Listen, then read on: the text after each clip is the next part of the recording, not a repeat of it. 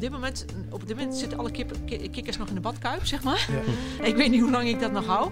Maar eh, ehm, doordat ze gewoon zien dat ze, eh, dat ze beter worden in datgene wat ze trainen, dat is ook al, eh, als je ziet dat je ergens beter in wordt, dat is ook al een enorme kick. Ja, die prachtige blauwe baan, dat kan maar één ding betekenen. We zijn hier in het epicentrum van topsportend Nederland, op Papendal. Was een stukje rijden, maar het was een mooi stukje rijden naar de bossen. En dan vind je hier die blauwe baan.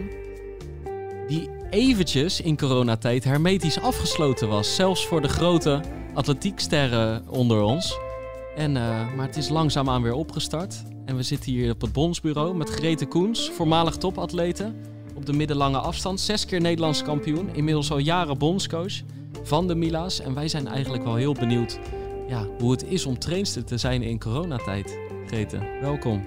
Ja, dankjewel. En jullie welkom hier eh, op het mooie Papendal, eh, wat eigenlijk mijn eh, grote thuishaven is. Eh, ja, ik hoor nog net niet tot meubilair, maar ik ben er vaak.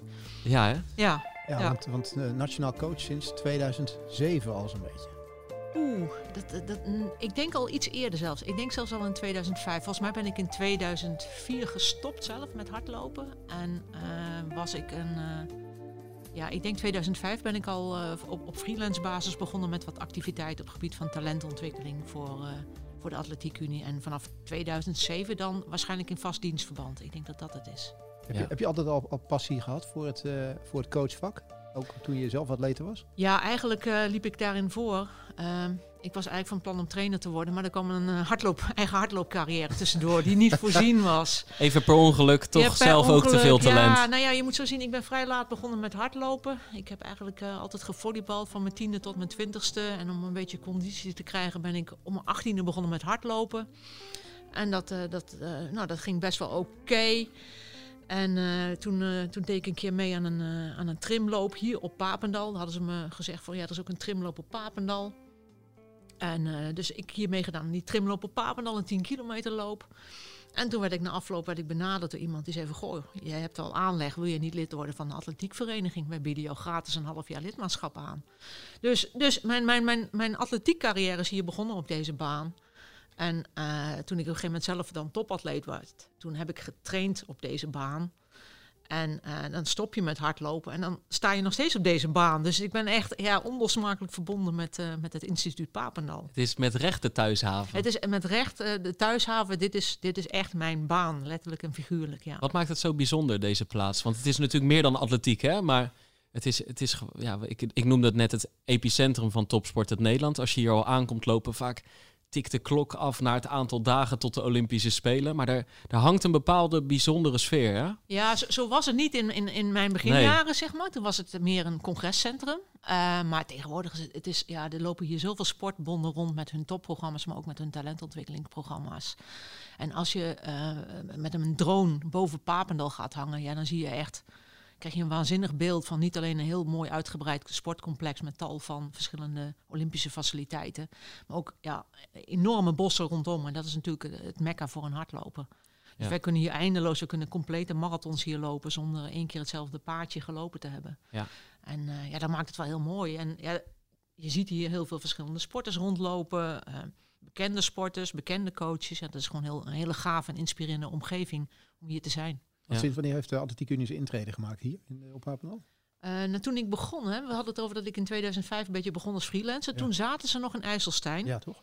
En toen is op een gegeven moment heeft de, de toenmalige directeur besloten om het kapitaal wat in het pand in IJsselstein zat, eh, gewoon, eh, ja, gewoon te, op een andere manier in te zetten. En toen eh, kwam er een, volgens mij een gebouw vrij naast NOC-NSF. We zaten eerst niet in dit huidige gebouw, maar op een ander gebouw eh, in, in Papendal. En, eh, dus ik heb het nog meegemaakt dat we verhuisd zijn van IJsselstein hier naartoe. Ja, maar dat, ik denk, ik denk twee, misschien dat is dat 2007, 2000 2008, maar ik ben niet zo goed in wat dat betreft in jaartallen, dat weet ik Nee. niet. Maar een goede zet geweest om in ieder geval eh, centraal hier te gaan zitten met, eh, met alle atleten. Ja, nee, maar absoluut ook dat de medewerkers van het bondsbureau ook, ook, ook direct feeling hebben hè, met, de, met, de, met, de, met de sporters. En eh, vroeger de dames die dan voor topsport eh, de kledingpakketjes inpakten als het naar Interlands ging, ja, die zagen nooit een topsporter. En nu zien ze continu een topsporter hier het, het bureau inlopen. Als ze, eh, dat is, dus nee, die, die, die, die connectie is veel beter geworden. En je zit dicht bij het vuur, dicht bij NOC-NSF. wat toch eigenlijk de grootste financier is, schat ik in, van, van het hele atletiek gebeuren. Dus, en ja, wat ik zeg, het is inspirerend om met meerdere sporten op één één plek te zitten. Dus dat je ook niet alleen voor de sporters, maar ook voor de coaches een lerende omgeving creëert. En er wordt ook wel gestimuleerd hè, dat er kennisuitwisseling is tussen coaches van verschillende disciplines. En dat, dat, dat, dat initieert NOC-NSF natuurlijk met hun coachcongressen en met hun mastercoach trajecten. Maar hier krijg je dat automatisch omdat je met verschillende sporten al op één plek zit. Ja, hey, en dan heb je, je praat vol liefde over deze plek. En dan komt de dag dat het ineens afgesloten wordt. Dat het verboden terrein is. Ja, dat en dat je er niet mag komen met je atleten. Dat was wel even bizar, ja. Ik weet niet meer hoe lang het geduurd heeft, maar uh, een week of zes dat ik hier uh, zes, dat, dat helemaal niet meer geweest ben, ja. Ja, ja nee, dat, uh, dat klopt. Weet je de, de, de beslissing nog, de dag van de, waar je toen was en, en wat je dacht? ja, ik weet het nog. Ik weet dat wij ehm, op vrijdag nog een krachttraining deden. En toen zei ik al tegen mijn atleten, nou, houd er rekening mee hè, toen was het coronavirus flink aan het oplaaien, dat, dat, dat dit misschien wel eens de laatste krachttraining geweest kan zijn. Ja. Zal begin maart, half maart zijn Ja, zo, zoiets. Ja. En uh, dat dit wel eens de laatste krachttraining geweest kan zijn. Want hè, afgesloten ruimte, daar was toen al een beetje sprake van.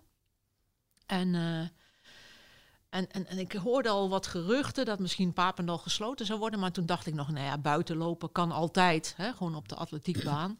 En toen hoorde ik op zondag het eerste bericht van nou, waarschijnlijk gaat Papendal in de loop van de week op slot. En toen had ik maandagochtend een appje, Papendal is op slot. Ja. En toen moest ik even... Toen moest ik even, ik had natuurlijk mijn schema's al gemaakt voor de hele week. En uh, toen ben ik gelijk gaan schakelen van oké, hoe kunnen we dit gaan, uh, gaan oplossen? En uh, het werd ook al gelijk duidelijk van nou, je mag, uh, wij mochten nog wel training geven, maar aan maximaal twee atleten tegelijk. Ja. Dus toen ben ik gelijk aan met allemaal shifts gaan werken. Van uh, de ene kwam om, om, om, om tien uur, de volgende groep kwam om, om kwart over elf, de daaropvolgende om twaalf uur en dan om, om drie uur nog een shift en om kwart over vier nog en dan nog de laatste shift om vijf. Zoiets was het eventjes. Maar, maar ik had dus meerdere shifts over een dag, dus dat gelijk al, ik kan heel snel schakelen. Ja. Dus ik had dan gelijk al geschakeld. Dus niet denken van, oh shit, we kunnen niet trainen. Nee, gelijk geschakeld van, oké, hoe gaan we dit nu doen? Maar alle afspraken stonden toen buiten de deur, buiten het hek. Ja, we zijn de bossen in. Dat is een voordeel van deze omgeving. Je hebt prachtige bossen. En wij, wij doen sowieso al heel veel in het bos. Ik train eigenlijk met mijn middenafstandatleten eigenlijk maximaal twee keer in de week op de baan. En vaak soms maar één keer. Dus wij deden, waren al gewend om heel veel in het bos te doen. Ja. Ja. Dus dat zijn we gaan doen. En ehm, nee, nee, dus gewoon gelijk oplossingsgericht denken van hoe kunnen we het doen. Hoe, en, en ook richting de atleten gelijk gezegd van nou, we gaan het zo doen. En uh, gelijk een plan gemaakt, een schemaatje doorgestuurd naar iedereen. En toen was voor iedereen duidelijk, oké, zo gaan we het doen. Ja, en tegelijkertijd is het wel, denk ik, best een flinke puzzel. Want je zit dus met, je, je hebt ongeveer een groep van tien vaste ja. uh, atleten. Ja. Vooral aanstormende talenten, maar ook echt, je, je vertelde het net, voordat we op record klikten, klikten een beetje hoe, hoe gevarieerd die groep is. Ja. Van, van een jonge Tony van Diepen die zich richt op de 4 en de 800 meter... tot en met Bart van Nuenen op de marathon. Ja. Ja, dus, dus dat, ook dat, uh, hè, daar krijg je dan mee te maken. Dat, uh, je gaat niet Tony van Diepen met Bart van Nuenen nee. de bostraining laten doen nee, Nee, nee, maar om nu even een voorbeeld te geven. Ik heb nu vanochtend al in de bossen getraind met de, met de meer lange afstandlopers. Dus de 5 kilometer plus. Ja. En vanmiddag komen de middenafstandlopers op de baan. Dus die lange afstandlopers die, die hebben vanochtend, uh, ja, ik noem dat een aerobe threshold training. Dus dan lopen ze uh, op, op, op een bepaalde intensiteit en vlot, uh, vlot tempo. En vanmiddag doen de, de middenafstanders doen, doen, doen intervallen op de baan. Dus een ja. compleet andere. Tony loopt vanmiddag 10 keer 200 in 800 meter snelheid. Nee, dat kan je niet. Ik kan hem niet. Vanochtend, uh, een Bart van nu liep vanochtend uh, 20 minuten in en toen 11,5 kilometer op hoog tempo. Nee, dat kan niet samen. Dus nee. ik, was, ik was, ben wel gewend om te, om te, om, te, om te schakelen, dus om in shifts te werken. Maar ik moest het nu in nog iets extremere mate doen, omdat ik maar tweetallen mocht trainen. Dus dat, ja, ja. ja, want we hebben het nu net over van, uh, jij schakelt heel snel. Uh, maar uiteindelijk moeten de atleten moeten het uitvoeren. Hoe snel uh, ging de knop bij de atleten eigenlijk uh, om? In dit um, geval? Want ook atleten hebben, hebben, hebben, een programma staan. Die hebben een idee van ik, ik train ergens voor en, en in één keer gaat het anders worden. Ja, nou dat, dat, dat is wel waar ik ze op coach. Is dat je, dat je um, probeert alleen maar vat te hebben op waar je vat op hebt. Dus je alleen maar druk te maken om dingen waar je zelf uh, vat op hebt. En, en, en, en, en tegenslagen vat dan ook gewoon uh, te accepteren. Dus, uh, dus ik coach heel erg op acceptatie ook. Van accepteer de situatie zoals die is. Ga er niet tegen vechten. Blijf niet hangen in van oh, wij kunnen dit niet doen. Maar laten we vooral kijken wat we wel kunnen doen. En, en omdat ja, ik schakel dus inderdaad heel snel. Dus ik ben eigenlijk van nature gewend om te kijken van wat ik wel heb of wat ik wel kan. In plaats van te kijken wat ik niet heb en wat ik niet kan. En uh, ik denk dat je dat. Die, en ik had een soort van rust ook van oké, dit, is, dit is zoals het is. Uh, we zijn bevoorrecht, want wij kunnen nog trainen. Dus zo heb ik ze ook uitgelegd. Wij kunnen nog trainen. In, in Spanje en Italië mochten ze niet naar buiten. Ja. Dus wij mogen nog naar buiten. Um, in tegenstelling tot heel veel andere sporten mag ik jullie nog wel begeleiden. Wel op uh, 20 meter fietsafstand. Hè. Dus ik, ik heb, ben gewoon achter ze aangefietst. En uh, we gaan dit gewoon redden. We gaan het met z'n, met z'n, met z'n tienen. Wij komen hier gewoon beter uit. We hebben even geen wedstrijden. Maar we hebben nu wel de mogelijkheid om gewoon ongestoord heel lang aan een hele goede basis te werken. Dus dat je gewoon conditioneel beter dan ooit wordt. We worden niet gehinderd door de druk van een wedstrijd. We hoeven niet op en normaal, dan beginnen ze een beetje, laten we even gechargeerd zeggen, 1 mei beginnen de wedstrijd, moet je 1 mei klaar zijn. En dan maakt het eigenlijk niet voor. Ja, dat, dat, dat, dat, is, dat is een feit. En nu hebben we niet de druk van we moeten dan en dan klaar zijn. Um, nou ja, zo, zo, zo, zo heb ik erin gestaan en, en, en dat hebben de sporters overgenomen. Maar, maar er, is, er is één atleet in jouw groep, als we naar Bart van Nuenen kijken, die, die, die zat eigenlijk uh, zo'n beetje tegen topvorm aan. Beetje, want die moest, die moest in Rotterdam gaan lopen. Ja, die moest in Rotterdam dat was, gaan lopen. Dat was wel heel dichtbij. En dat was uh, uh, los van het feit dat je zegt van nou, we schakelen even snel door. Misschien ook wel, wel een teleurstelling voor hem. Nee, dat, dat was. maar goed, er kwam al onrust. Hè. Het was al heel onzeker of de ja. CPC wel door zou gaan. Mm -hmm. Dus er was al de nodige onrust. En, en, en, en dat merkte ik ook wel bij, aan, aan Bart, dat hij ook wel die onrust had, die onzekerheid. En eigenlijk gaf het, het moment dat uh, um, het besluit kwam van Rotterdam gaat niet door, gaf dat eigenlijk het klinkvreemd een soort van rust bij hem. Van oké, en nu is er eindelijk duidelijkheid, hoe vervelend die duidelijkheid ook is. En toen heb ik ook gezegd van oké, we gaan nu niet meer... Ik zag, uh, ik, zag dat die onrust, die deed hem sowieso al niet goed. Ik vond het maar al eerlijk gezegd ietsjes minder worden. In, hè, een beetje, een beetje, een beetje een verkoudheidje opeens. En, en, hè, dus, dus ik zag die onrust, zag ik al bij hem terug. Ik denk, oh, hij kan dit nog niet. Het is nog een jonge sporter. Michel Butter, die zal veel beter onzekerheden kunnen handelen dan, Bart van. Hm. Dus ik zag het al een beetje komen. En, en, en ook gelijk gezegd van, we gaan, dit is het. Het houdt nu op. We gaan niet zoeken nog naar een alternatief ergens uh, bij een marathon die wellicht wel doorgaat. Uh, achter de schermen heeft de Atletiek Unie nog geprobeerd om voor een klein select groepje een soort van ja, trial te houden Ja, eigenlijk. ja, hè? Dus ja. op een afgesloten parcours. Daar, daar zijn we. Maar toen heb ik al gelijk gezegd van, ook met Bart hebben. En want Bart, ik zag de, de, de, de, de, de, de ontspanning opeens bij Bart van, nou, we gaan het niet meer doen. We gaan het niet meer proberen. Het is klaar. Het is not meant to be. Hè? En, uh, en, uh, en, en, en tuurlijk, hij is daarna even fysiek krijg je dan even, want je werkt helemaal toe naar een piekmoment, dat valt opeens weg, dan valt die fysiek even terug. Hebben we even gas teruggenomen in training, even, zeg, we doen nu net even alsof je wel een marathon hebt gelopen. Dus even een rustweek, even een week niet lopen, dat doen we na een marathon ook, een week niet lopen, dan een week een beetje uh, uh, wat uh, ja, om de dag een beetje lopen en dan weer geleidelijk opbouwen. Maar ja, goed, en, en, en toen bleek op een gegeven moment ook die, die, die, die extra besloten wedstrijd niet meer mogelijk was. En ja, dan hadden we, dan hadden we allebei zoiets van, ja, dan hebben we gewoon een hele goede beslissing genomen. Ja, door, goed gehandeld dan. Goed gehandeld, ja. door je merkt van, hé, hey, dit gaat wel heel lastig worden. En laten we eerlijk zijn, hij heeft een PR van 2.13. Um, uh, ik, ik weet zeker dat hij nog wel harder kon, maar hij moest wel op zijn top van zijn kunnen zijn om, om een Olympische limiet te lopen. Dan moet ook echt alles kloppen. Echt boven jezelf uitstijgen. Echt boven jezelf uitstijgen. Uh, gewoon het, ja, nou ja, ik denk vooral het maximaal uit jezelf kunnen halen op die dag. En als er te veel ruis op de lijn, lij, uh, op de lijn zit en te veel onzekerheden, onduidelijkheden, uh, dat, dat, dat topt bij zo'n zo'n jonge, onervaren sporter eigenlijk een beetje het prestatieniveau af. En dan moet je gewoon als coach rust bewaren en, en zeggen van, hé hey joh, je, je, je, je marathoncarrière staat nog aan het begin. Kijk, ik kan me voorstellen dat iemand die, uh, die, die, die 30 plus is er anders in staat, maar nog hartstikke jong. Je beste jaren gaan nog komen. Peking komt waarschijnlijk sowieso erg vroeg voor, voor, voor, voor type atleet als jij. Jij, jij, jij gedijt bij een hele goede gestage ontwikkeling. Dus, Tokio. Uh, Ja, wat, wat zei ik? Peking. Peking, Peking, oh, Peking. daar worden ja, de winterspelen. Ja, nee, nee, ja, nee goed. Dan moet hij gaan schaatsen. Ja, nee, je weet maar nooit wat er nog gaat gebeuren in de toekomst. Er gebeuren nu zoveel rare dingen. Ja, ja, ja. Nee, ja. Tokio. Nee, je weet het nee, niet. Dat is klopt, zeker waar. klopt. Ja, nee, klopt. Maar, maar eh, ik kan me voorstellen, eh, eh, normaal observeer je ook en probeer je te peilen hoe je atleten en atletes er eh, in hun bovenkamer voor Ja. staan en, en of er spanning in dat lijf zit of dat ze er goed in zitten. Ehm, heb je meer gepraat in die weken dan je normaal gesproken doet? Dat, dat het wel heel erg coachen is geworden. En normaal Ja. ben je ook coach, maar snap je wat ik bedoel? Dat ja, het, dat ehm, kwam sowieso al omdat je maar met twee sporters tegelijk werkt. Dus dan heb je veel... Ik, ik moet zeggen, het was heel leerzaam. Want je hebt veel meer interactie met die, eh, met die sporters. Je krijgt veel meer diepgang. Je hebt veel meer aandacht als je je aandacht moet vers- verspreiden over tien personen. Hè, en dan, dan, dan krijgt iedereen een tiende deel ongeveer. eh, laten we het even zo noemen. Maar als ze maar met z'n tweeën zijn, dan, dan krijgt ieder 50% van mijn tijd. bijna personal training. Dus bijna personal training. Nou, in sommige gevallen heb ik ook Ja. wel eens personal training gehad. Want soms waren inderdaad trainingen niet te combineren. En dan, dan, dan, dan, dan begeleid ik maar één sporter. Ja.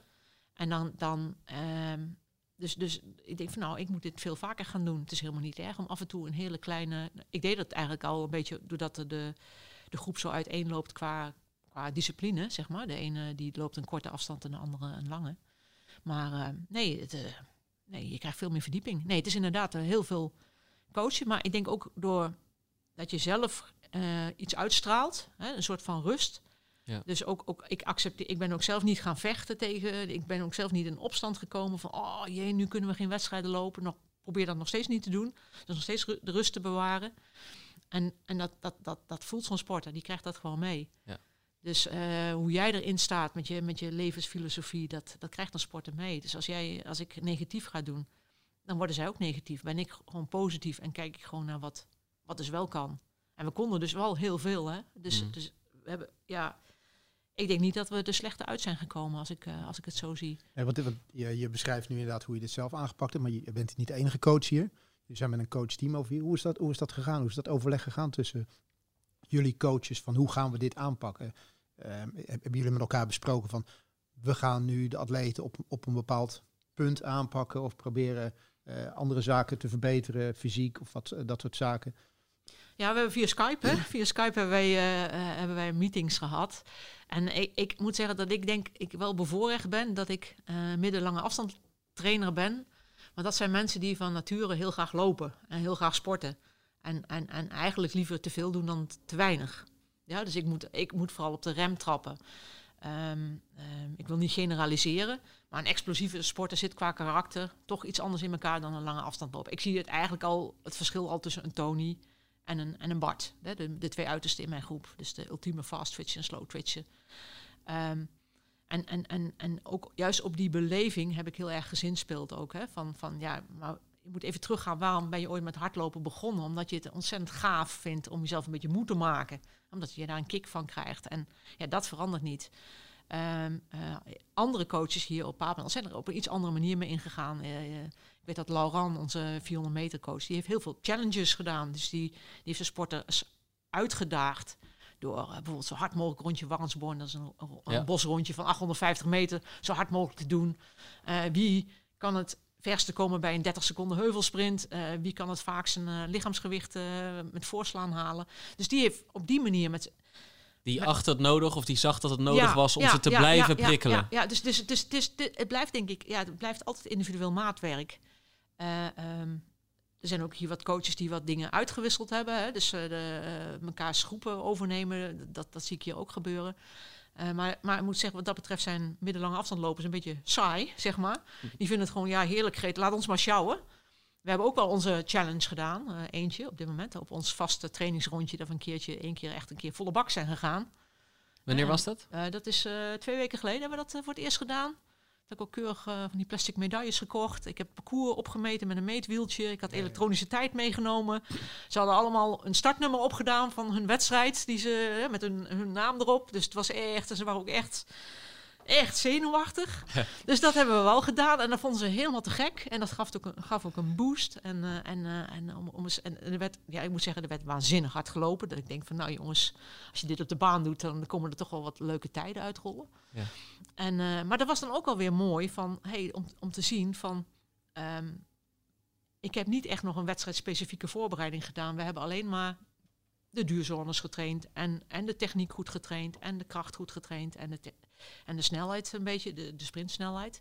Maar niet dat hele intensieve uh, wedstrijdtempo, dat hebben we niet gedaan. En echt het fundament. Nou, puur het fundament hebben we getraind. En dat geeft je ook nieuwe inzichten.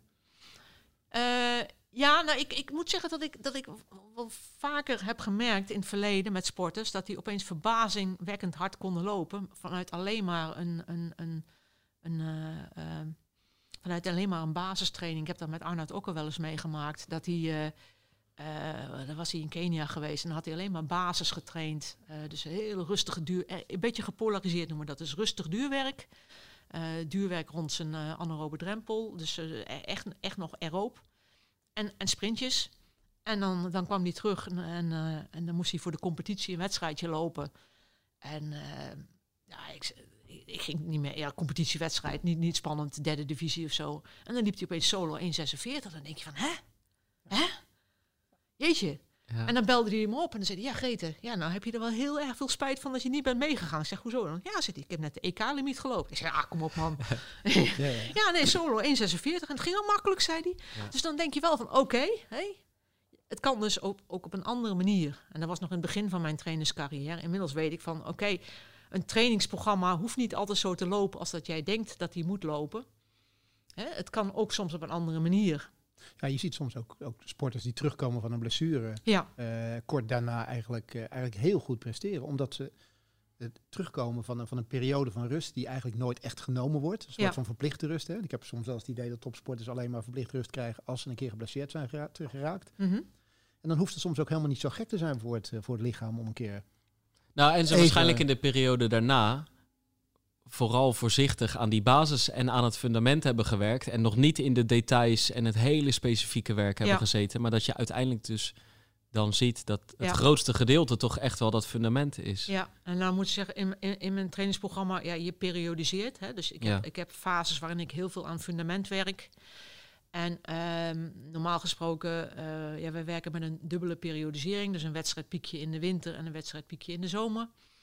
En eh, na die winterpiek ga je eerst weer fundament trainen. Nou, en we zaten, ja, toen die coronacrisis uitbrak, zaten we net in die fundamentperiode. En die heb ik gewoon nu veel langer doorgetrokken. Ik denk, ja, eh, op een gegeven moment, eh, ik denk, eh, de verhalen op een gegeven moment waren van september komen er wat wedstrijdjes. Eh, ik hoor nu, in België gaan ze in augustus al beginnen. Eh, Duitsland begint een beetje op te starten. Zwitserland start nu. In, eh, in Scandinavië kan je ook nu lopen. Ik denk, ik trek die, die, dat fundament gewoon heel lang door. En ehm, eh, het is heel meetbaar ook, hè, of je beter wordt in je fundament, want je hebt je hartslagmeter om. En je loopt een bepaald rondje en dat loop je misschien eh, in het begin eh, 15 km per uur. En dan, eh, nou, zes weken later lopen ze het opeens een 16 km per uur met dezelfde hartslag. Dan weet je, oké, dan zien ze gewoon, hé, hey, ik ben vooruit gegaan. En ehm, ik heb ook tegen ze gezegd van, nou, we gaan dat fundament heel goed trainen. En zodra de wedstrijden in zicht komen, ik heb een paar prikkels nodig en dan zijn jullie super scherp. Ja. Vertrouw er maar op, het gaat goed komen. Dus, eh, en, ehm, dus als er wedstrijden komen, ik, jullie zijn er klaar voor, daar hoef je niet bang voor te zijn. Maar we kunnen, hebben nu de kans om gewoon echt dat, dat fundament, want het zijn jonge sporters, zoals ik al zeg, om dat heel stevig en robuust te maken. Ja, want je zegt net, het zijn inderdaad jonge sporters. Hoe onrustig, eh, hoe onrustig zijn ze ze nu, zeg maar? Hoe moeilijk is ze om, zeg maar, als ze een soort van kikkers in de kruiwagen te houden? Want eh, ze zijn misschien toch onstuimig. Het duurt al een tijdje. Ehm, je geeft net aan van links en rechts in het buitenland eh, komt het langzamerhand weer op gang. Ze willen Hoe- misschien wel meer challenges. Ja. Ja, nee, Hoe lastig nee. is dat? Ja, nee, nou goed, omdat, omdat is, ehm, ik werk niet alleen met, met wedstrijddoelen, maar ook wat, wat ze met een mooi woord noemen procesdoelen. Dus je wil beter worden in iets en dat kun je meetbaar maken. Dus je kan eh, meetbaar maken of Tony weer sneller wordt op een, eh, op een 30 meter vliegend, hè? dus 30 meter sprint. Ik kan meetbaar maken of, of Bart zijn marathontempo met een ra- lagere hartslag eh, kan lopen. Eh, eh, en, en of Jasmijn Lauw, of die, eh, die, die, die, die kwam hier met een anaerobe threshold van eh, nou, 3,35 per kilometer. En die is nu gewoon loopt zo 10 tot, tot 15 seconden sneller op, een, op, een, op, op, op diezelfde intensiteit. Dus dan zien ze van hé, hey, ik word beter. En anderen weer van nou, die, die, die is al twee jaar lang geblesseerd geweest. Die is nu dit jaar ingestroomd hier. En die merkt nog, hé, hey, ik kan nu eindelijk trainen zonder problemen, zonder pijntjes. Goh, wat fijn. Dus ehm, op dit moment, op dit moment zitten alle kip, kikkers nog in de badkuip, zeg maar. Ja. ik weet niet hoe lang ik dat nog hou. Maar uh, um, doordat ze gewoon zien dat ze, uh, dat ze beter worden in datgene wat ze trainen, dat is ook al, hè, als je ziet dat je ergens beter in wordt, dat is ook al een enorme kick. En natuurlijk wil je dan graag, wil ik ook als coach nu al heel graag de vertaalslag naar een wedstrijdprestatie zien. Uh, maar goed, het is, het, het is gewoon even geduld hebben nog. Gewoon, gewoon, gewoon wachten. En ik zeg ook van ja, wat in het vat zit, verzuurt niet. En, uh, hè, want op het moment dat je een wedstrijd hebt, dan moet je toch weer even wat gas terugnemen. Uh, je doet bepaalde basisprincipes. Uh, je moet gas terugnemen voor de wedstrijd, gas terugnemen na de wedstrijd. Nou, dan verlies je zo een, een halve trainingsweek. En nu kunnen we continu doorbouwen, doorbouwen, doorbouwen. Maar nee, goed, ja, nee. Uh, er gaan er nu twee dit weekend een, een, een test-event meedoen. en, en, en er zijn er een paar die willen volgende week graag uh, die, die corona 3K uh, Strava Challenge die je hebt. Ja, 27 juni. Ja, die, daar gaan er een paar van, van mij nu meedoen. En dat mag dan? Ja, nee, dat, dat mag nu. Ze nee, nee, dan, nee, nee, nee, nee, nee, Ik heb ook gezegd, we, we trekken de, de basisperiode even iets langer door. En dan gaan we beginnen met, nou, die, eigenlijk die, die, onze 2,3 kilometer in het bos. Dat was eigenlijk onze kick-off. Ja. En dan doen we van tijd tot tijd, uh, maar ik doe het ook in een training, dat we een hele training lang mooi uh, in een bepaalde zone lopen. En dan zeg ik van nou, dan doen we nog één keer een 400 en dan mag je volle bak. Nou, hop, dan gaan ze volle bak. Ja. Dus, dus uh, we trainen gewoon nog steeds heel veel fundament met af en toe een prikkeltje. En dat kan dan een keer een wedstrijdje zijn, of ja, we zijn geen wedstrijdjes, maar een challenge zijn. Of het kan een, uh, een keer op training een keer zijn dat we een keer een flinke, flinke klap erop geven. Daar, in die fase zitten we nu. Want ik denk van, nu, als ik het nu zo inschat, denk nou oké, okay, ik zie, ik zie nu een aantal mensen wel in augustus een wedstrijdje uh, ergens in, in België lopen. Dus uh, nou, dan ga je nu ook geleidelijk aan een beetje opschalen in, uh, in intensiteit. Merk je dat er langzaamaan weer over wedstrijden wordt gesproken? Kijk, eerst ging het over de wedstrijden die niet doorgingen, die gecanceld werden. Ja. waar lang een vraagteken omheen stond. Gaat hij wel door, gaat hij niet door? Toen waren ze weg. Nou, zijn jullie aan het fundament gaan werken? Maar langzaamaan zie je wat dingen om je heen. In Noorwegen, in Berlijn. Ja. En uh, staan er vooralsnog nog hartstikke veel evenementen wel op het programma, voornamelijk op de weg. Ja. Merk je dat het binnen de groep weer op die manier een beetje begint te leven? Of is het nog steeds omgeven door gigantisch grote vraagtekens? Uh, ja, nou, nou het, het, is meer van, van een mogelijkheid die zich voordoet ja. dan dat het een onzekerheid is nu. Dus, uh, dus wellicht een kans om, uh, om een keer jezelf echt lekker te testen. Dan, dan een, en zo probeer ik het ook wel zelf te zien. Van hey, hey uh, want ik had nu een, van, eh, van, een Belgische coach die zei: Ja, we hebben een wedstrijdje op 1 augustus. Uh, maar beperkte deelname. Ja. Dus, ik, dus, dus niet iedereen die je nu opgeeft zal mee, mee kunnen doen. Dus, dus ja, oké. Okay. Dus als er, als er een kans zich voordoet, nou, dan, dan grijpen we die. Zo, zo probeer ik het ook richting sporters te brengen. En als het niet kan, ja, dan trainen we lekker door. Want ja, ik, ik heb ook wel tegen sporters gezegd van nou ja, de spelen nu in Tokio, nu zeg ik het even goed. Tokio, die kwamen voor de meeste van jullie nog te vroeg. De enige die met één been in Tokio stond was Tony eigenlijk. Die stond heel hoog op de World Ranking. En die hoefde niet zoveel bijzonders meer te doen om zich te plaatsen voor Tokio. Nou, Bart, zijn, zijn marathon, ja, die is dus in het water gevallen. Maar die andere sporters zijn nog allemaal ja, heel talentvol, maar nog te jong om dat nu dit jaar al te halen. Maar ja, volgend jaar, wie weet. He, dus als je, de, als je het op die manier brengt van nou ja, die, wie weet wat, wat voor kans je volgend ja. jaar hebt. En, en, en ja, maar goed, ja, ik, het, is, het is vooral de kunst om, om bezig te zijn met, wat je nu kan doen en wat je nu moet doen. En, en niet te ver vooruit te kijken en niet te veel onrust daardoor te krijgen. Geldt dat voor iedereen, denk je? Kijk, we hebben het nu over het topsportsegment. En uh, uh, ja, jongens en meiden die echt, die, echt die, die topsporter willen worden, die misschien naar de WK's en de Spelen kunnen gaan. Maar geldt dit voor iedereen dat het een periode is waarin je eigenlijk een mooie basis kan leggen en nog steeds ja, probeert te denken in uitdagingen, in kansen. Ja, ik vind het, ik vind het, ik vind het de, deze periode uh, de ultieme manier om te leren in het nu te leven. En dat geldt niet eens alleen voor topsport of voor sport in het algemeen, maar ook in het dagelijks leven. Dat, je, dat je blij bent met de, met de simpele dingen in het leven, met de dingen die je, die je nog kan doen, die je nog mag doen. En uh, ik bedoel, dit is zo'n onberekenbare situatie, een virus waarvan niemand nog weet hoe het precies werkt. Uh, en wat voor consequenties het gaat hebben. Dus ja, als je, je wordt er niet rustiger van als je heel erg druk gaat maken over hoe het er over drie, vier maanden uit gaat zien. Dus, dus ja, ja gewoon nu kijken wat je nu kan doen. En, en, en dat is wel een, een, een les die ik ook weer als coach weer heb. Hè. Je bent, eh, ik ben extreem prestatiegericht, daar zal ik eerlijk in zijn. Extreem prestatiegericht.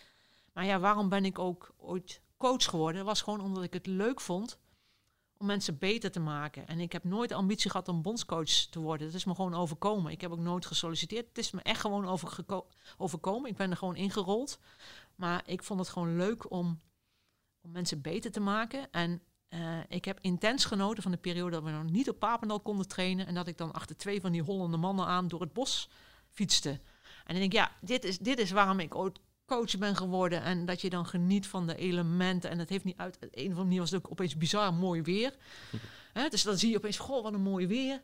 En dat je dan door die bossen gaat en dan kom je hier uh, stel wilde zwijnen tegen. En dan zie je weer een hert langskomen. En dan weer wat paarden die midden op het pad staan. En dat je daar, daar gewoon intens van geniet van dat te kunnen doen. En dat voorrecht te hebben om.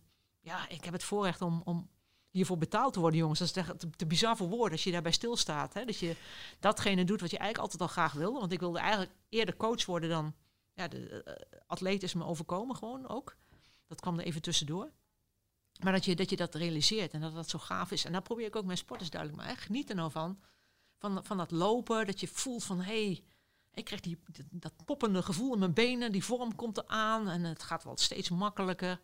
En, en, en, en neem de natuur in je op en ja, geniet daar gewoon van. Dus, uh, Heb je dat bij sporters ook gezien?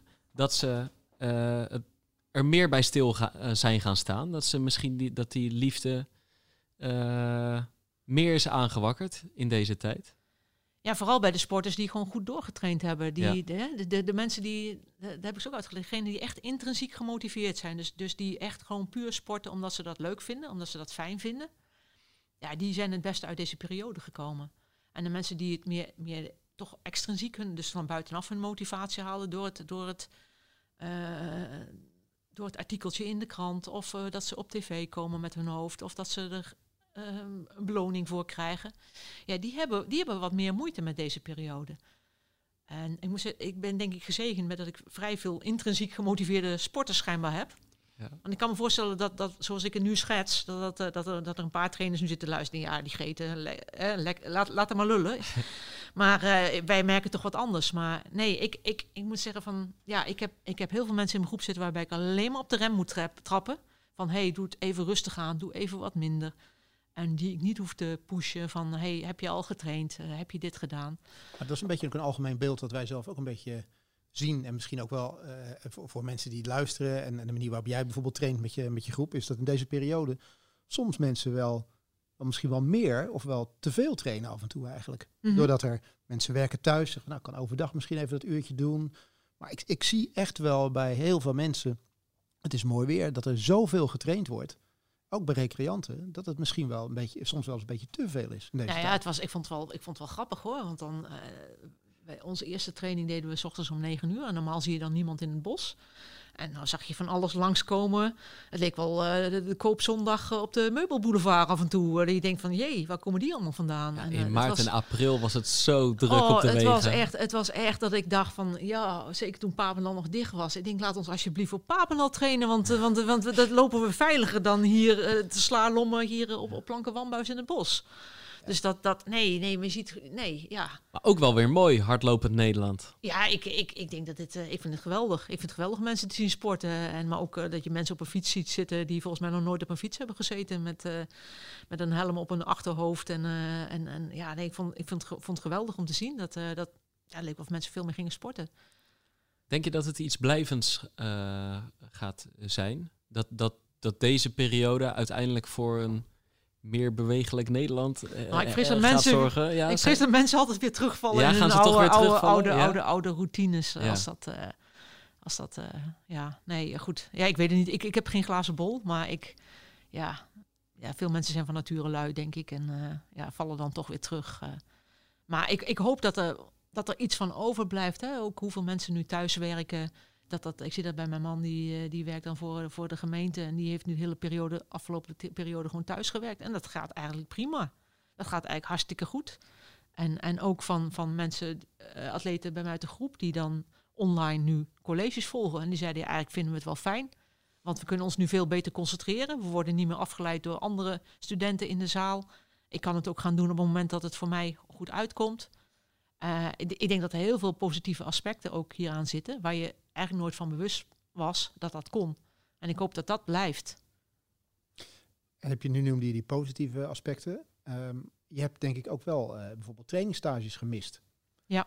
Uh, die je normaal gesproken, jullie gaan naar, naar, uh, naar Amerika toe. Ja. Flagstaff waar jullie, waar, waar, jullie trainen op hoogte. hoogte. Ja. dat zijn dingen die je, die je wel gemist hebt. Ja. Um, hoe, hoe, ga je, hoe ga je daarmee om? Of, of heb je nu juist zoiets van, nou, we, we zijn nu gedwongen in Nederland te blijven trainen? Heeft ook zo wel zijn voordelen. Ja, ik heb, ik heb er niet meer bij stilgestaan. Dus op het moment dat dat niet meer kon, is het bij mij uh, weggezakt. En toen belde op een gegeven moment een coach mij op. Uh, en die zei, ja, Geet, ja, ik bel je even. Ja, we hadden normaal nu in Flagstaff gezeten. Ik zei, oh. Het was bij mij al helemaal weg. Nee, ja, nee maar dat is, dat is in, in het nu blijven. En um, kijk, ik, ik, ik heb nu weer een stageplanning gemaakt voor volgend jaar. Dat is, werd me gevraagd door uh, onze technisch directeur. Van maak even een stageplanning voor volgend jaar. Maar ja, ik weet nog niet of wij kunnen gaan vliegen straks. Of wij weer naar Kenia kunnen. Of wij weer naar Amerika kunnen. Of, nou ja, St. Moritz uh, met de auto zal wel kunnen. Geen idee. Maar uh, ja, nee, het is zoals het is. En je moet roeien met de riemen die je hebt. En zoals ik zeg, ik was al lang blij dat ik überhaupt nog training kon geven. Dat mijn sporters naar buiten konden lopen. Want we hadden ons voor ook voorbereid op plan C. Dat alles dicht zou gaan. Dus ik had met iedereen al in mijn groep al afgestemd. hey, vriend, als het nu echt een complete lockdown komt, kan jij dan nog thuis trainen? Ja, nee, thuis niet, maar bij, bij mijn ouders staan de loopband. Oké, dus dan ga jij naar jou. Ja, ik, Pietje gaat naar de ouders, die ging daar naartoe. Uh, een andere had een spinningfietsje in huis gehaald. Weer een paar hadden op de pof een, een loopband gekocht. Echt in die week nog? Um, dat, we hebben, ja, ja we, hebben, we hebben dat wel, ik heb dat wel, uh, ik heb ze wel een klein beetje voorbereid op dat het nog erger zou kunnen. Want ja, op een gegeven moment was het uh, elke week weer raak met een persconferentie van Rutte. Ja. En dan was je weer benieuwd wat er weer ging komen. Dus, dus, dus, dus, dus um, ja, wel nadenken over de, de, de volgende stap. Dat heb ik wel gedaan. Ja. Hey, ik kan me herinneren, Erik, dat wij ditzelfde gesprek een keer hebben gehad. Hey, jij in je nieuwe woning hebt een soort fitnesskamer. Ja. En toen in, in, dat zal echt dezelfde week zijn geweest, heb jij een keer tegen me gezegd, nou heb ik verdomme alles behalve een loopband. En ik heb er nog een keer aan gedacht. Zal je straks zien. En ik ook, weet je, als ik mijn huis op de derde etage van mijn flat afstap, heb je drie mooie trappen naar beneden. Nou, die kan je ook heen en weer gaan doen. Zo was ik al aan het nadenken. Ik heb met Sam overlegd of we misschien toch zo'n tax moesten aanschaffen. Ja, het zal je maar gebeuren dat je inderdaad, zoals Ja. in Italië, Spanje, Ja, en dat je gewoon, ja. Ja. ik zou daar als duursporter echt moeite mee hebben. ja ik word ook gek dan. Ja. Nee, nee, nee, ik heb ook een tax in huis. Nee, nee, ik word helemaal gek dan. ja, ja. Nee. Maar dus er is in die week ook even aan plan C gewerkt. Ja, ja, ja, ja, wel rekening mee gehouden. Ik heb ze wel voorbereid. Dus zoals ik al voorbereid had, ze Geet, ben je helderziend of zo. Hè, dat dat eh, een gegeven zei van nou, dit volgens mij gaat Amerika niet door. Nee, ging niet door. Oké, want dat is het. Het was steeds weer wat wegstrepen. Nou goed, Amerika ging niet door. Zei, nou, hou er ook rekening mee dat misschien Papendal dicht gaat. Nou, het ging Papendal dicht. en toen heb ik gezegd, van, nou ja, hou er ook rekening mee dat we binnen moeten blijven. Nou, dus zo heb ik ze wel voorbereid op eh, een soort worst case scenario. Ja. Ook dat als ik ze niet zou kunnen trainen, dat, hoe we dat dan zouden doen. Dus eh, eh, niet om ze angst aan, aan te jagen, maar om ja, een goed voorbereid mens, dat, eh, dat, dat scheelt gewoon heel veel. Heb je Ja. bijvoorbeeld contact gehad met collega-coaches uit Spanje of uit Italië, Frankrijk, waar wel zo'n complete lockdown was? Nee, dat niet. Nee, dat niet. Wel met Nederlandse coaches van, goh, hoe, doe je, hoe pak jij het nu aan op dit moment? Hoe doe, je, hoe doe jij het? Ja. Kan jij je groep... eh, ik heb dan de luxe dat ik er maar tien heb, maar er zijn ook eh, trainers eh, die, die echt een hele grote groep hebben. Ja, dat is, dat is dan bijna onmogelijk. Ja. Nee, maar ik heb wel ook van, van atletes die... uh, Jip Vastenburg, die, die, die ik zelf nog getraind heb, die, zit in, die, zat, in Engeland. En die heeft wekenlang haar coach niet mogen zien. En die mocht maar één, één keer per dag naar buiten. Dus die had een hele andere situatie. Da- Daar was op een gegeven moment die lockdown veel strenger Ja. dan hier. Heeft zij nog tussen aanhalingstekens normaal kunnen trainen? In de zin van, heeft ze haar trainingen kunnen draaien in die situatie? Ja, ze heeft wel gewoon getraind. Ja, ja. Maar het moest dus e- één keer op een dag. En, maar dan mocht ze wel gewoon lang, lang Ja, ik, wegblijven. ik heb of- wel van Britse atleten gehoord die dan toch wel stiekem nog een keer naar buiten Ja. sneakten, zeg maar. Want ja, Ja. hoe, hoe, hoe streng is die controle? Dat, eh, dat, eh, maar eh, nee, nee, voor de rest, nee, wel, wel atleten van mij die wel contact hadden, ook bijvoorbeeld met de Italiaanse atleten, die dan ja, gewoon binnen moesten blijven, niet naar buiten konden. Dat, ja. Lastige vraag misschien, maar ben je zelf in de verleiding gekomen om dingen te doen die volgens de richtlijnen of de regels toch officieel niet mochten? je hebt de verhalen over bijvoorbeeld de zwemmers gehad, die toch bleken een tijdje door te hebben getraind. Heb je toch gedacht van, oeh, ik wil toch eigenlijk een keer die baan, uh, die baan op? Nee, we hebben het niet gedaan. Nee, nee we hebben het niet gedaan. Nee, nee, ik, uh, nee vooral ook omdat dat ik zoiets had van, uh, we redden het zo op deze manier.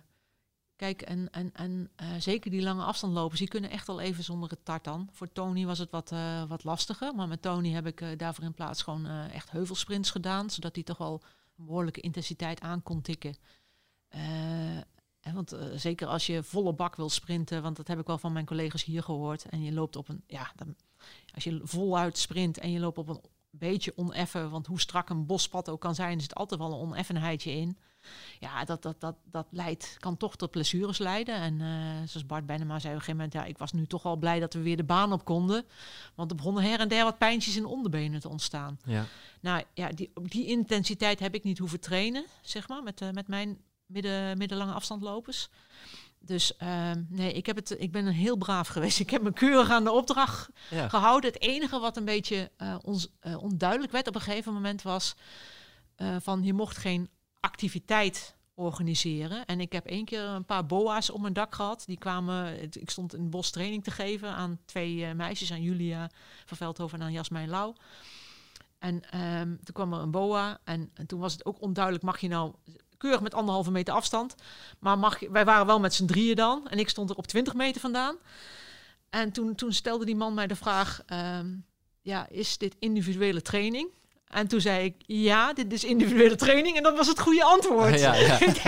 als ik nu had gezegd van nee, dit is een, uh, dit is een uh, hè, dit is, dit, groepstraining. groepstraining ook al waren we maar met z'n drieën. Dan, dan, en, en toen had ik wel tegen Ad gezegd van uh, onze, onze technische directeur van goh, Ad, ik heb een paar boa's op mijn dak gehad. hoe zit dat precies eigenlijk? Hij zei, nou Grete, Um, ja, die bekeuring is nog tot daar aan toe, maar dat strafblad is een beetje vervelend, want dan mag je niet naar de Spelen. Toen dacht ik al even, toen kneep ik hem al heel eventjes. Ja. En toen ben ik wel even, maar toen, toen ging een week later ging Papendal over, open, dus toen was ik er vanaf. Maar toen had ik wel even van, oei. Ja, ik denk, ik zorg nu, toen zei ik ook van, nou, ik heb geen, ik heb, zit nu keurig in, in, in atletiek kleding. Ik trek gewoon mijn fietskleding aan, zodat als er wat komt, dat ik gewoon weg kan fietsen. dus nee, maar dat, dat, dat, dat, dat, was, dat was het enige. Ja, als je dan zegt, het, het was op het randje. Het was ook, ik vond dat, dat betreft wel onduidelijk. Mag dit nou wel of mag dit nou niet? Is dit nu aanzet tot een activiteit? Want op een gegeven moment kregen ook mensen die met z'n drieën in het park zaten en keurig op, op, op, op, op, op anderhalve meter afstand, die kregen ook al boetes. Dus uh, ja. Ja. Nee, maar nu, nu, is het inderdaad alles weer een beetje op gang gekomen. We hebben vorige week de eerste testwedstrijden gezien hier op, uh, op de baan. Test, testmomenten. Testmomenten. Ja, dat is maar ze, ze, werden wel gewoon bij de Studio Sport al uitgezonden. Dus ja. er werd al wat, uh, wat beeld van, uh, van gezien. Ja. Worden, echt, worden echt al wel een beetje doelen gesteld weer nu? Je hebt al, je, je, er wordt al gevraagd aan je om toch een soort planning te maken voor, voor trainingstages volgend jaar. Ja. Ben je langzamerhand wel weer wat, wat doelen aan het, aan het maken? nou ja, ik, ik, ik, ik ik zet continu doelen met mijn uh, sporters. Ja, dus, uh, maar niet echt wedstrijd, zeg maar. Wedstrijddoelen, uh, echt, echt, ja. Je wil een bepaald prestatieniveau bereiken, maar ik kan daar dan geen wedstrijd aan koppelen, want die, die, er zijn, ja, die kalender is er. Er zijn wedstrijden, ehm, maar het is sterk de vraag van welke wedstrijden komen ze binnen en welke komen ze niet binnen.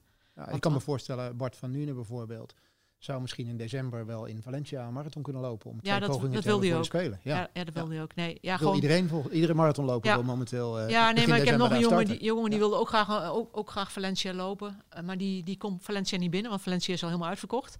Bart is Valencia wel binnen. Dus die, uh, die mag daar lopen. Maar nee, ja, met Bart werken we wel toen nu naar de marathon van, van Valencia. Maar dan zou je graag in aanloop nog wat onder afstanden lopen, wat wegwedstrijdjes. En of dat er gaat komen, dat weten we niet. Dat, dat wordt afwachten. Kijk, je, je, ondertussen worden hier de ramen gelapt. Ja, dus als je wat op de achtergrond hoort. Hij zou ook een keer bij mij langs mogen komen. Maar uh, goed, uh, kijk, je, we weten het niet. Ja. Geloof je er ergens in? Dus misschien, misschien eigenlijk, zeg maar, eigenlijk is het geen belangrijke vraag. Want jij, jij zegt gewoon, het komt zoals het komt. Ik, ja. hè, je hebt er geen vat op. Maar ja. ergens ja, stel je jezelf waarschijnlijk toch af en toe die vraag. Van zie ik het gebeuren dat er in oktober een marathon van Amsterdam of Rotterdam wordt gehouden, in welke vorm dan ook. Ja, ik, ik, ik, ben, ben geen. Uh, ik ben dat van een rasoptimist. Ik je was net helderziend ook, hè? Dus... uh, ja, ja, ja, ja. Nee, ik, ik denk dat het wel op een of andere manier weer wat gaat komen. Maar ik denk wel dat het uh, voorlopig nog even anders zal zijn zoals het was. In die zin ben ik wel realist. Kijk, we hebben nog niet dat vaccin waarmee we gered zijn. En, en tot die tijd zal, zal, zal alles weer ehm, ja, lastig zijn. En ja, er, er komt, wordt ook wel steeds wat meer bekend van het virus. Hè? Dat, dat, dat, dat vooral binnenactiviteiten en dan diep ademen, dat dat een. Uh, dus we moeten ook maar niet te diep ademen nu, ja. hier bij deze podcast. Maar dat dat een, een, een provocatie kan zijn voor het, voor het ontstaan van het virus. Um, ja, ik weet, ik weet, kijk, je hebt die demonstraties gehad in, in Amsterdam en Rotterdam. En voor zover ik weet heeft dat niet geleid tot een, tot een enorme boost aan aantal uh, ziektegevallen. Net zoals de CPC. Toen was het toch echt wel aan de hand. Uh, het, dat heeft volgens mij niet. Dat is geen super verspreid nee. uh, evenement nee, geweest. Nee, is niks toe te herleiden geweest. Mensen ja. met elkaar 21 kilometer lang achter Ja, en daar maakte ik me toen mij wel zorgen over. En gehoest en ja. er is niets gebeurd. Ja, ja. daar maakte ik me wel, wel zorgen over. Nou, het wielrennen, die, die hebben grote plannen om weer te gaan starten. Nou, als er ergens gesnotterd uh, wordt, dan is het wel in het wielenpeloton. In het peloton, ja. En, en als, als er één, één sportgroep is die ook al zijn ze hartstikke ziek nog een wedstrijd gaan doen, zijn wielrenners. Ja. En toch, ik zie zeg maar zelf zoveel mo mogelijkheden voor de toppers. En dan kun je ook gewoon in kleine groepjes ja. starten denken. Ja. Of, of halve tijdritten bijna, ja. ook in het hardlopen. Ja. Um, zelfs zo'n marathon met, hè, zoals je normaal gesproken ook de, de uh, marathon van New York, dat je echt het eliteveld bij de mannen en vrouwen eerst van start gaat en pas veel later een massa. Maar bij, toch, en dan heb je het over echt die, die, die marathons, zo'n grote massa, dat zie ik wel echt niet voor me als je nu de voorbije weken hier in Nederland hebt rondgelopen mm -hmm. en al heel blij bent dat je weer met uh, twee vrienden op een nee. terras mag zitten. Nee, zitten, maar dat, lijkt, dat, lijkt me, dat lijkt me ook lastig. Maar ja. dan heb je wel weer het voordeel dat je hebt nu Amsterdam en Rotterdam na, vlak na elkaar. Dus dat je eventueel spreiding van deelnemers. Zo, ik denk dat je ook een beetje out of the box moet gaan denken. Dat er misschien meerdere kleinere marathons moeten komen. Waar, waar je dan toch ook de grote massa kan bedienen. En dat niet iedereen dan naar dezelfde marathon moet gaan. Dus dat, dat, dat, dat dit misschien wel je noopt voor wedstrijdorganisatoren om samen te gaan werken en te, en te gaan zeggen van hé, hey, we organiseren in elke regio een marathon. En we gaan elkaar niet beconcurreren, maar we gaan elkaar helpen. En overal staat een beperkt startveld aan de start waar je, waar je met verschillende tij, tijdshifts start. Gewoon ja. met tussenposes. Maar zijn, zijn er, is, maar goed, er, is er overleg bijvoorbeeld tussen uh, Atletiek Unie en, en uh, wedstrijdorganisatoren? Want we hebben natuurlijk te maken bij, bij dit soort grote wedstrijden inderdaad met recreanten en met topatleten waarvan je zou zeggen van nou, het topatletenveld is een stuk kleiner. Uh, die, zouden wel, die zouden wel kunnen lopen. Daar, die, daarbij is het hen beroep. Dus ja. uh, proberen jullie te stimuleren dat er bijvoorbeeld alleen elite races zouden zijn in dit geval?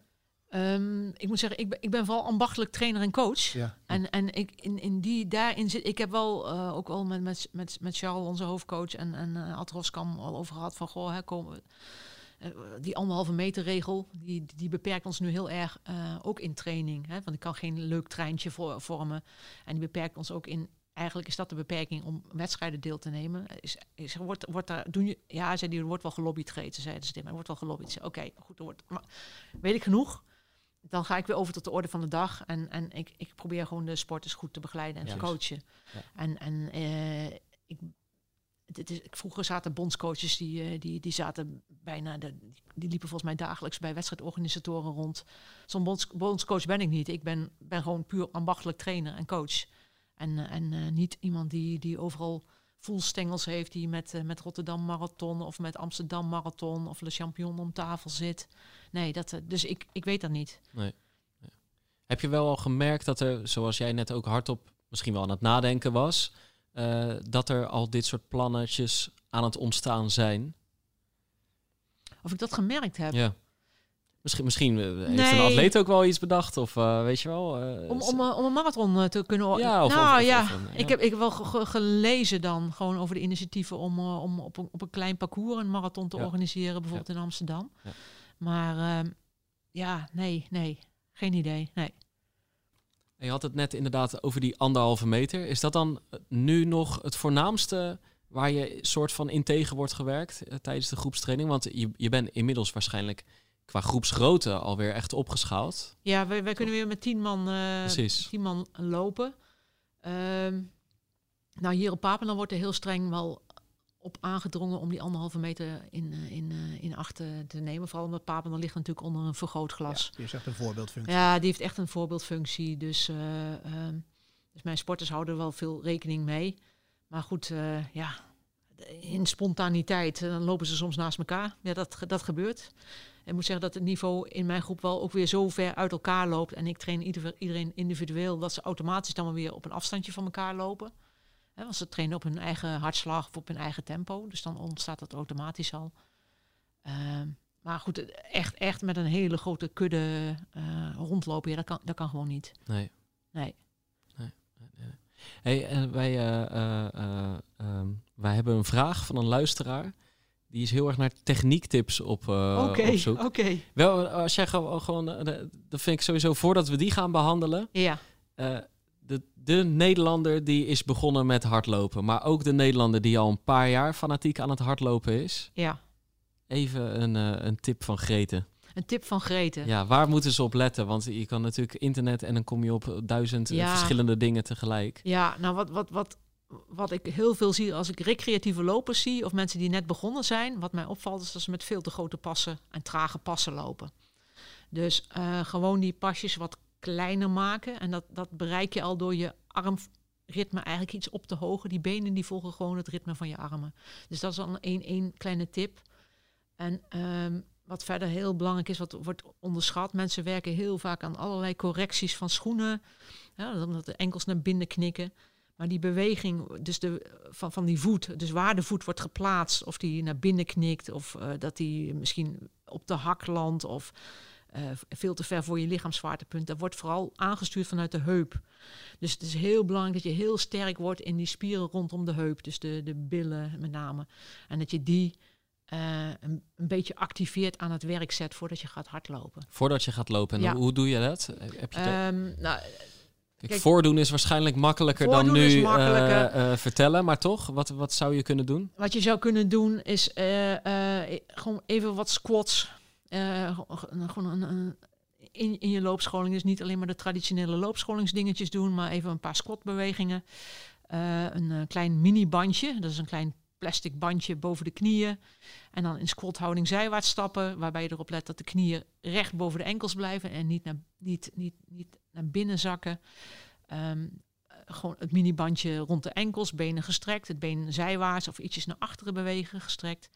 En um, ja, daar kan je ook oefeningetjes voor bedenken. Dat je op, op een stoeprandje gaat staan en dan je bekken laat zakken en weer heffen, van, puur met gestrekte benen. Dus om eventjes die, die, die, die, die spieren aan te zetten.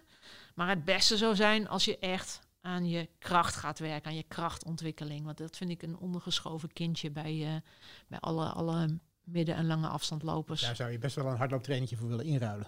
Ja, absoluut, absoluut. Je kan je loopeconomie, dus uh, hoe zuinig je loopt, die kan je ontzettend verbeteren door, uh, door, door een goede, adequate krachttraining, waarbij je ja, vooral die regio rond je bekken heel sterk maakt. En dan niet alleen de billen, maar de, ook, ook de buik. Want die billen en buik zorgen samen voor de juiste stand van je bekken. Uh, waarbij je aan de, de, de romphouding werkt. Dus dat heel veel mila's zijn toch een beetje introvert. Dus de schouders komen naar voren. Dus, en de sprinter loopt automatisch al meer met de borst vooruit. Nou, dat zijn allemaal dingen die je kan accentueren binnen je. Ik werk heel erg aan houding. Dus eigenlijk de grootste winst in techniek, in looptechniek, maak ik in het krachthonk. Niet zozeer tijdens het Niet lopen. Niet zozeer, nee. Al dat, uh, dat muren. en, en ge, ge, ge, gedribbel wat ik altijd bij al die... Hè, dat, dat, is vooral een sociaal aspect, zeg maar, wat ik dan zie. Die loopscholing. Hè, de, de, het effect daarvan is minimaal. Het effect van een krachttraining, het is, dat is eigenlijk een techniektraining met gewicht. En binnen het krachthonk, dat doen, doen mijn, uh, mijn sporters twee keer in de week. En mensen die wat zwakker zijn, laat ik het zelfs drie keer in de week doen. Doen ze drie keer in de week kracht dan werk ik aan de, aan de zwakke schakels in de keten. En, en uh, over het algemeen zijn dat de billen, de buik en, uh, en, en, en, en, en, de schouders die te veel naar voren staan. Dus dat is eigenlijk de, de. En wat ik ze dan leer, is dat ze hun heup, op het moment dat ze op één been staan, echt op slot kunnen zetten. Dus dat noemen we een hiplock. Dus dat je niet wegzakt met je bekken als je op, op één been staat, maar dat, dat, dat de bekkenhelft van, van het vrije been dat die iets hoger kan komen. En dat zijn, uh, ja, dat zijn, ja, dat zijn hele cruciale dingen om een looptechniek goed te krijgen.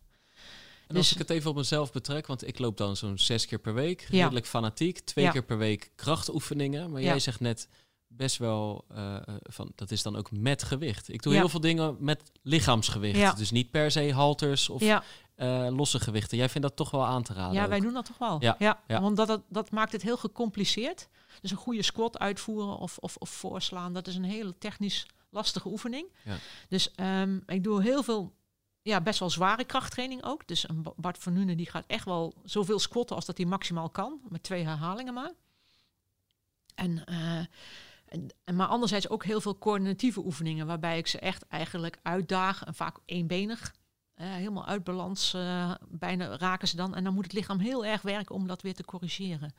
Dus dat zijn dingetjes. Maar wat ook heel simpel is, is wat ik ook nu veel doe met met die, met die meiden die ik er nu nieuw bij heb gekregen en, en die, die ik eigenlijk een nieuwe looptechniek wil aanleren, is um, um, ze gewoon een versnellingsloopje laten doen met een, ja, de ene keer met een uh, gewicht recht boven het hoofd, dan schuin voor zich.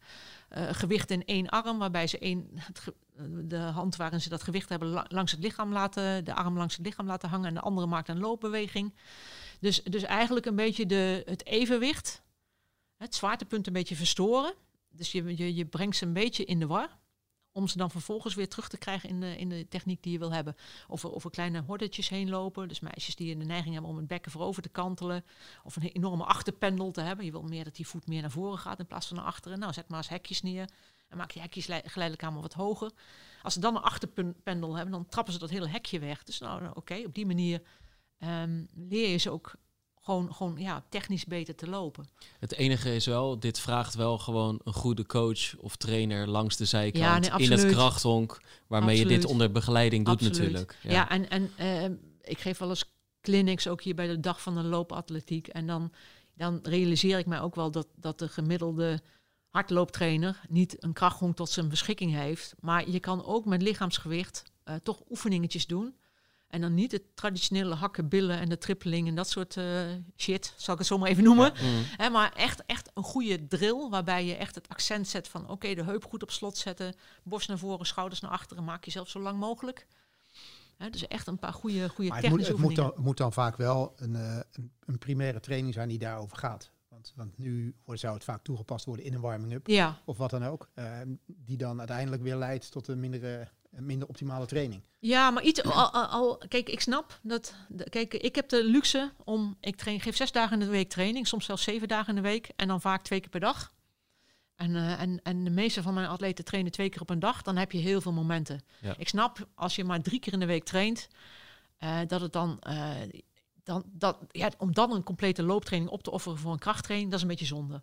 Maar ik denk dat je dan wel bijvoorbeeld een kwartiertje binnen elke training in kan ruimen in, in je warming-up. Waarbij je niet de traditionele oefeningen doet, maar wat meer oefeningen gelet op, op houding. En, en op, op, op, lichaamshouding en op, op, op de functie van die heup.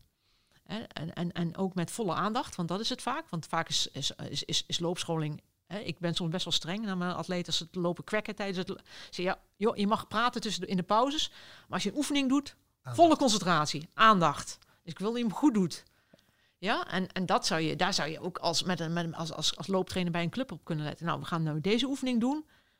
Dit is de bedoeling. Hier moet je op letten. En, en doe hem even met volle aandacht. En heb je hem gedaan. Het hoeft maar vijf seconden even volle aandacht. En dan heb je, mag je weer 30 seconden kletsen met elkaar. Dus dat, dat zijn. Dat zijn uh, nee, maar ik denk dat je echt ook wel oefeningetjes kan doen zonder een krachthonk. En toch binnen die drie trainingen die je maar in de week doet. Ja, is wel een mooi bruggetje naar de, naar de vraag die we. Zeker, ja. Het, het is, het is een vraag van Erik Scholtes, luisteraar. Sinds kort trouwens.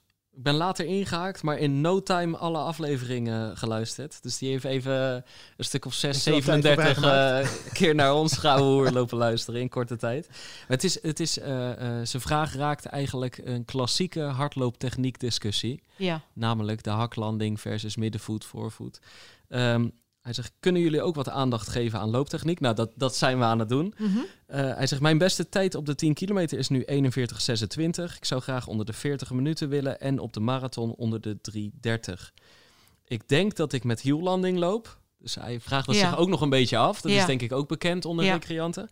Ik denk dat ik met hiellanding loop en vraag me af of het nodig is om naar middenvoetlanding te trainen om onder die vier minuten per kilometer te kunnen lopen. Ja. Wat denk jij? Nou, ze hebben een mooi onderzoek gedaan bij de WK in Londen, bij de marathon. En toen bleek dat het overgrote deel eh, op de hak landde van de topatleten. Ja, eh, ik, wat ik belangrijker vind is waar zet je die voet neer? Zet je die heel ver voor je lichaam neer, dan rem je in feite af. Als, je, als, je, als het je lukt om hem meer onder je lichaamswaartepunt neer te zetten, dan zal je waarschijnlijk al, al, al veel efficiënter en minder remmend lopen. En dan kom ik toch weer over, over die functie van die bilspier, van die buikspier, van je bekkenpositie. In die lange en korte pas. Ja, en de lange en de korte pas. Als je, als je echt zo'n enorme lange slungelpas hebt, eh, ja, dan, is, dan lok je bijna uit dat je meer op je hak gaat landen en daarmee remmend loopt. Dan zit je En- echt die hak in het zand. Ja, dan zet je die hak in het Ja. zand. Eh, ehm, als jij betere controle krijgt over je, over je, over je, over je, over je romp, dus over je, over je bekkenpositie, dan, eh, want ik zag dat nu ook weer bij een van mijn atleten, die landde eerst op de hak. En ik ben helemaal niet bezig geweest met je moet op je voorvoet landen, maar ik ben gaan werken aan de stabiliteit van het bekken, van eh, sterker worden in de billen, sterker worden in de buik. Eh, niet meer zo je bekken voorover kantelen, dus niet meer zo'n holle rug trekken als je loopt. Niet meer zo'n lange zwaai naar achteren, waarin, waarin er eigenlijk niks gebeurt tijdens het lopen. En ik zie dat ze nu al automatisch meer op midvoet, voorvoet gaat lopen.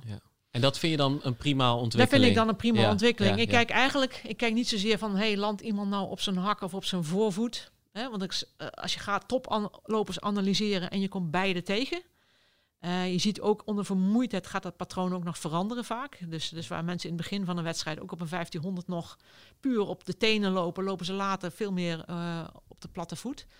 Ik, ik, ik vind het veel meer belangrijk om te kijken van, hey, ben je nu remmend aan het lopen of ben je niet remmend aan het lopen? Waar plaats jij je, je voeten neer? En ehm, ja, op, om op die manier de techniek te beïnvloeden. Wat ik wel vaak tegen mensen zeg, en dat zijn dan vaak klassieke haklander, eh haklandlopers. Eh, eh, die doen ook gewoon vaak drie keer per week een duurloopje in één en hetzelfde tempo. Ja. En tegen die mensen, die mensen moedig ik sowieso vaak al aan van doe er wat versnellingjes ook tussendoor of maak er een keer een intervaltraining in. En dan zie je langzaam aan dat ze ook weer iets meer naar die middenvoet gaan. Omdat Ja. je gewoon af en toe ook op hogere Ja. tempo's aan het lopen bent. Ja, nee, maar dat absoluut. Ik zou zeker, wat heel belangrijk is, om, om, is dat je variatie in je trainingsprogramma hebt. Dat je niet alleen maar duur doet, maar ook eens een keer wat, eh, wat, wat, wat, wat, wat kort. oh, Want ook een marathonloper laat ik nog sprintjes doen. Het is helemaal niet nodig voor een marathonloper om, om traag te worden. Een marathonloper wordt traag omdat hij gewoon bepaalde facetten niet traint, omdat hij zijn snelheid niet traint. Net zo goed als dat Tony van Diepen, die loopt een weergeloze 400 als hij juist eh, qua duurconditie heel erg goed is. Als hij qua duurconditie wat minder is, dan kan hij veel minder makkelijk ook die, die verzurende energie vrijmaken. Dus eh, ehm, En tegen marathonlopers zeg je, eh, trek ook maar af en toe een paar sprintjes. wij, dat doe ik sowieso. Dat Op elk zo- niveau? Ja. ja. En hoe, hoe hard moeten die sprintjes dan? Nou, Bart van Nuenen loopt ze op zijn, op, op zijn 1500 meter snelheid. Dan doet hij wat 120's of zo. Dat doen we standaard elke week. Gewoon ook als, als variatie. Want als je altijd hetzelfde... Kijk, een, een, een, duurloper is, is dat noem, die traint eh, vooral ehm hart-longsysteem heel erg. Eh, maar je wil eigenlijk het hele lichaam een beetje prikkelen. Dus als hij alleen maar lange, slome duurlopen doet... Dan, dan zul je ook zien, eh die jongen heeft een extreem lage hartslag. Dus je, dat is gevolg van duurtraining. Je hartslag gaat om, omlaag, wordt rustiger. Dat staat onder invloed van je, van je zenuwstelsel. Maar om een beetje balans in het lijf te houden, eh, is het heel goed om ook juist een keer wat, wat sneller te doen. Dan pak je een ander deel van je zenuwstelsel. Eh, meer, meer het gaspedaal in plaats van de rem. Eigenlijk is de, die lage hartslag komt door dat deel van zenu- dat noemen ze het, eh, het autonome zenuwstelsel. Eh, je hebt een parasympathisch deel en een sympathisch deel. Parasympathisch deel is de rem. Die zorgt dat je hartslag omlaag gaat, dat je ademhaling rustig wordt. Eh, dat je, eh, hè, dat is, dat is, eh, en, en, en, het sympathische is meer het gaspedaal. Die zorgt ervoor dat je boem, hartslag omhoog schiet, je, je, je, je flight-modus aangaat. Ehm, en die twee, dat zenuwstelsel moet eigenlijk een beetje in evenwicht zijn. Nou, en bij een duursporter slaat het heel erg door naar parasympathisch. Die hartslag wordt steeds lager. Dus wat doe ik dan? Dan geef ik af en toe een sympathische prikkel. Dat is dan, dat zijn of die sprintjes, of die hele zware krachttraining. Waardoor die gewoon veel fitter wordt. Waardoor die gewoon, ik heb dat eens, vroeger wel eens helemaal doorgemeten van hoe zit dat zenuwstelsel in elkaar. En de mensen die, die, die het beste presteren, dus hadden een hele mooie balans. Ehm, je, je kan dat ook gebruiken als je heel erg gestrest bent, als je het heel druk hebt qua werk. dan kan je beter heel rustig gaan trainen. Echt, echt rustig, want dan pak je meer dat. Want, gestrest zijn is sympathisch. Um, rustige duurtraining werkt perfect om iemand die, die, die, die, die, die een beetje tegen overspannenheid aan zit, gewoon weer een beetje in balans te krijgen. Dus dan maak je gewoon automatisch gebruik van dat principe. Dus, dus, dus ik blijf het lichaam ja, eigenlijk continu verrassen. En daarom ook sprintjes. Maar ook, voordeel van ook een sprintjes. Bart doet dan bijvoorbeeld sprintjes op maandag. En de volgende dag gaat hij in zijn marathontempo lopen. Dat is voor hem 3,6, 3,7 de kilometer. Nou, als jij de vorige dag uh, uh, een honderdje in 14 seconden hebt gelopen, dan voert 3,6, 3,7 peanuts, easy. Ja, dus je hebt een soort van speed reserve noemen ze dat. Dus een maximale snelheid die je kan ontwikkelen. Dan voelt de submaximale snelheid een stuk makkelijker aan. En dat geldt zeker ook voor de beginnende loper. Niet alleen maar dat monotone, niet alleen maar proberen een half uur achter elkaar te lopen.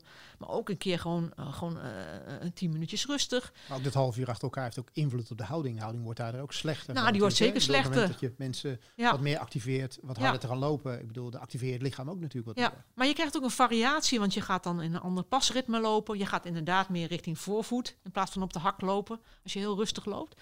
Dus je krijgt een soort variatie en het lichaam reageert heel erg goed op variatie. Want het lichaam is eigenlijk een en al variatie. Je hartslag is ook nooit, hè, als je 60 slagen per minuut je hartslag gaat, dan is het echt niet zo dat elke hartslag precies één seconde duurt. Nee, de ene keer duurt de, ene hartslag duurt 0,9, de andere 1,1, dan 0,8, 1,2. Er zit variatie in. Hoe meer variatie, hoe beter. Als jij gewoon één rechte lijn hebt en elke hartslag duurt één seconde, dan ga dan maar naar de cardioloog. Dan is er iets ernstigs aan de hand. Dus het lichaam is, ook als je je voet neerzet, je zet nooit helemaal neutraal je voet neer. De ene keer ga je meer naar binnen, maak je iets meer pronatie. De andere keer ga je weer meer naar buiten. Als je slow-mo opneemt, die voeten die zetten nooit zichzelf op dezelfde manier neer. Wanneer doen ze dat wel?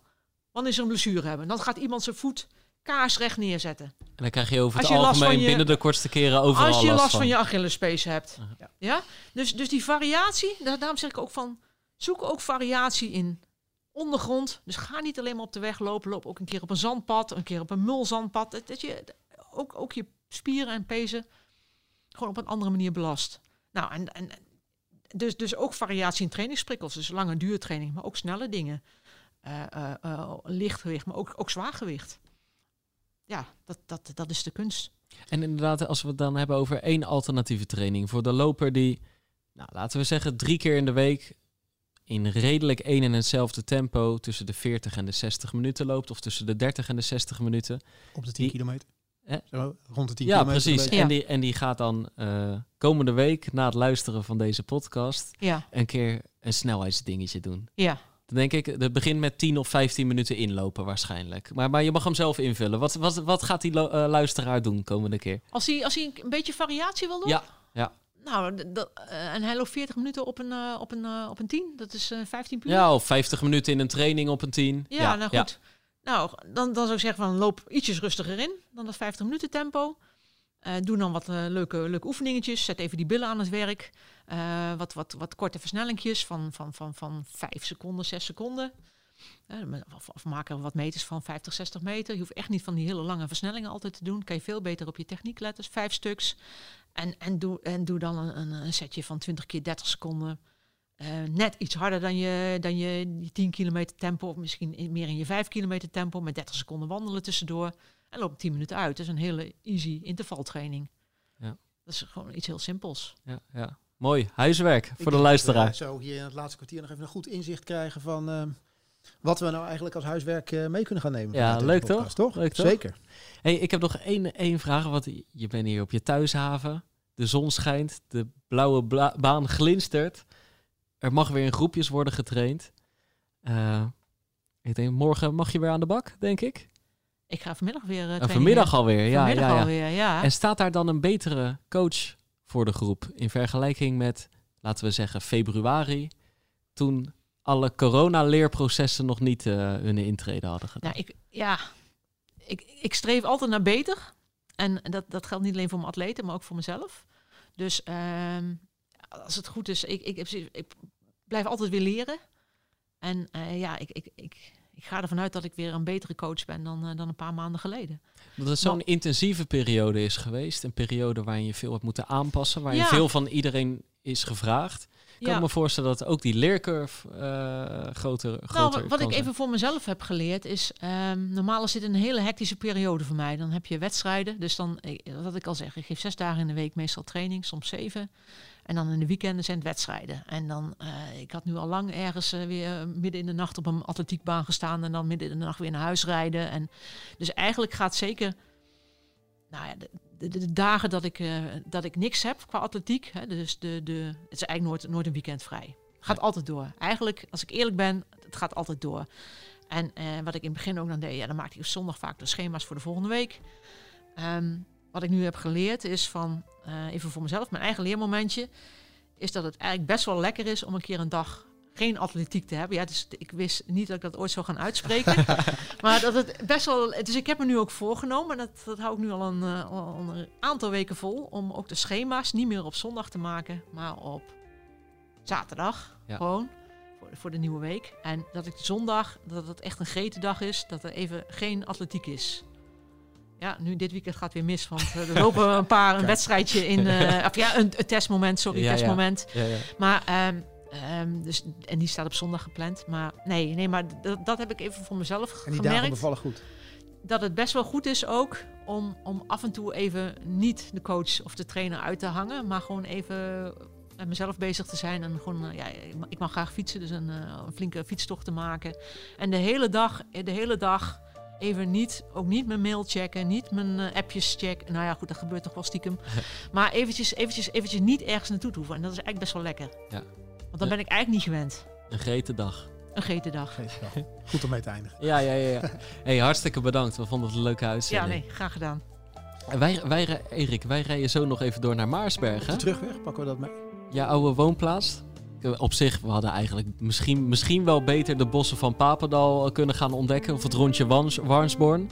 daar ligt de atletiekhistorie. Van Sifan Hassan tot Honoré Hoed tot Bram uh, Som, noem ze allemaal maar op. Maar wij rijden naar Maarsbergen, daar heb je gewoond. En daar ken jij een kaarsrechte vlakke weg waar wij onze duizendjes gaan, gaan doen. We duizendjes daar doen. We gaan inlopen in het bos. Ja. En uh, nou, we doen sowieso altijd even wat versnellingjes. Ja. Het warming-upje. Even de billen en de heupen activeren. Ja, even, even al die billen op spanning zetten. Precies. We zijn net nog even op scherp gezet. Ja. Maar uh, ja, daar gaan wij dadelijk eventjes uit de wind op de rechte lijn gaan we even wat duizendjes doen met elkaar. Heerlijk man. We hebben genoeg huiswerk, we hebben genoeg lessen. Dankjewel. Oké, graag gedaan. En uh, uh, ja, volg ons op alle kanalen. Spotify, iTunes, uh, Stitcher.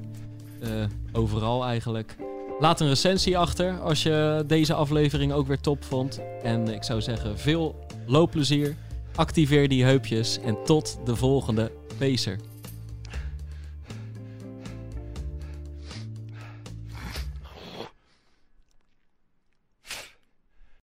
Heb je genoten van de podcast De Pacer? Luister dan ook eens naar de podcast Le Cycliste. Daarin ga ik, Jerry Huinder, op bezoek bij Kees Graafland in Zuid-Frankrijk. Hij woont aan de voet van de Mont Aigual in de Cevennes. Je weet wel, die berg waar Tim Crabbe zo lyrisch over was in zijn bekroonde boek De Renner. En waar de zesde etappe van de Tour de France dit jaar eindigt. Samen met Kees ga ik op zoek naar de verhalen achter de Mont Aigual. Een podcast over extreem weer, vuur, eten, oorlog en een moord. Nu te vinden op ad.nl, Spotify en iTunes.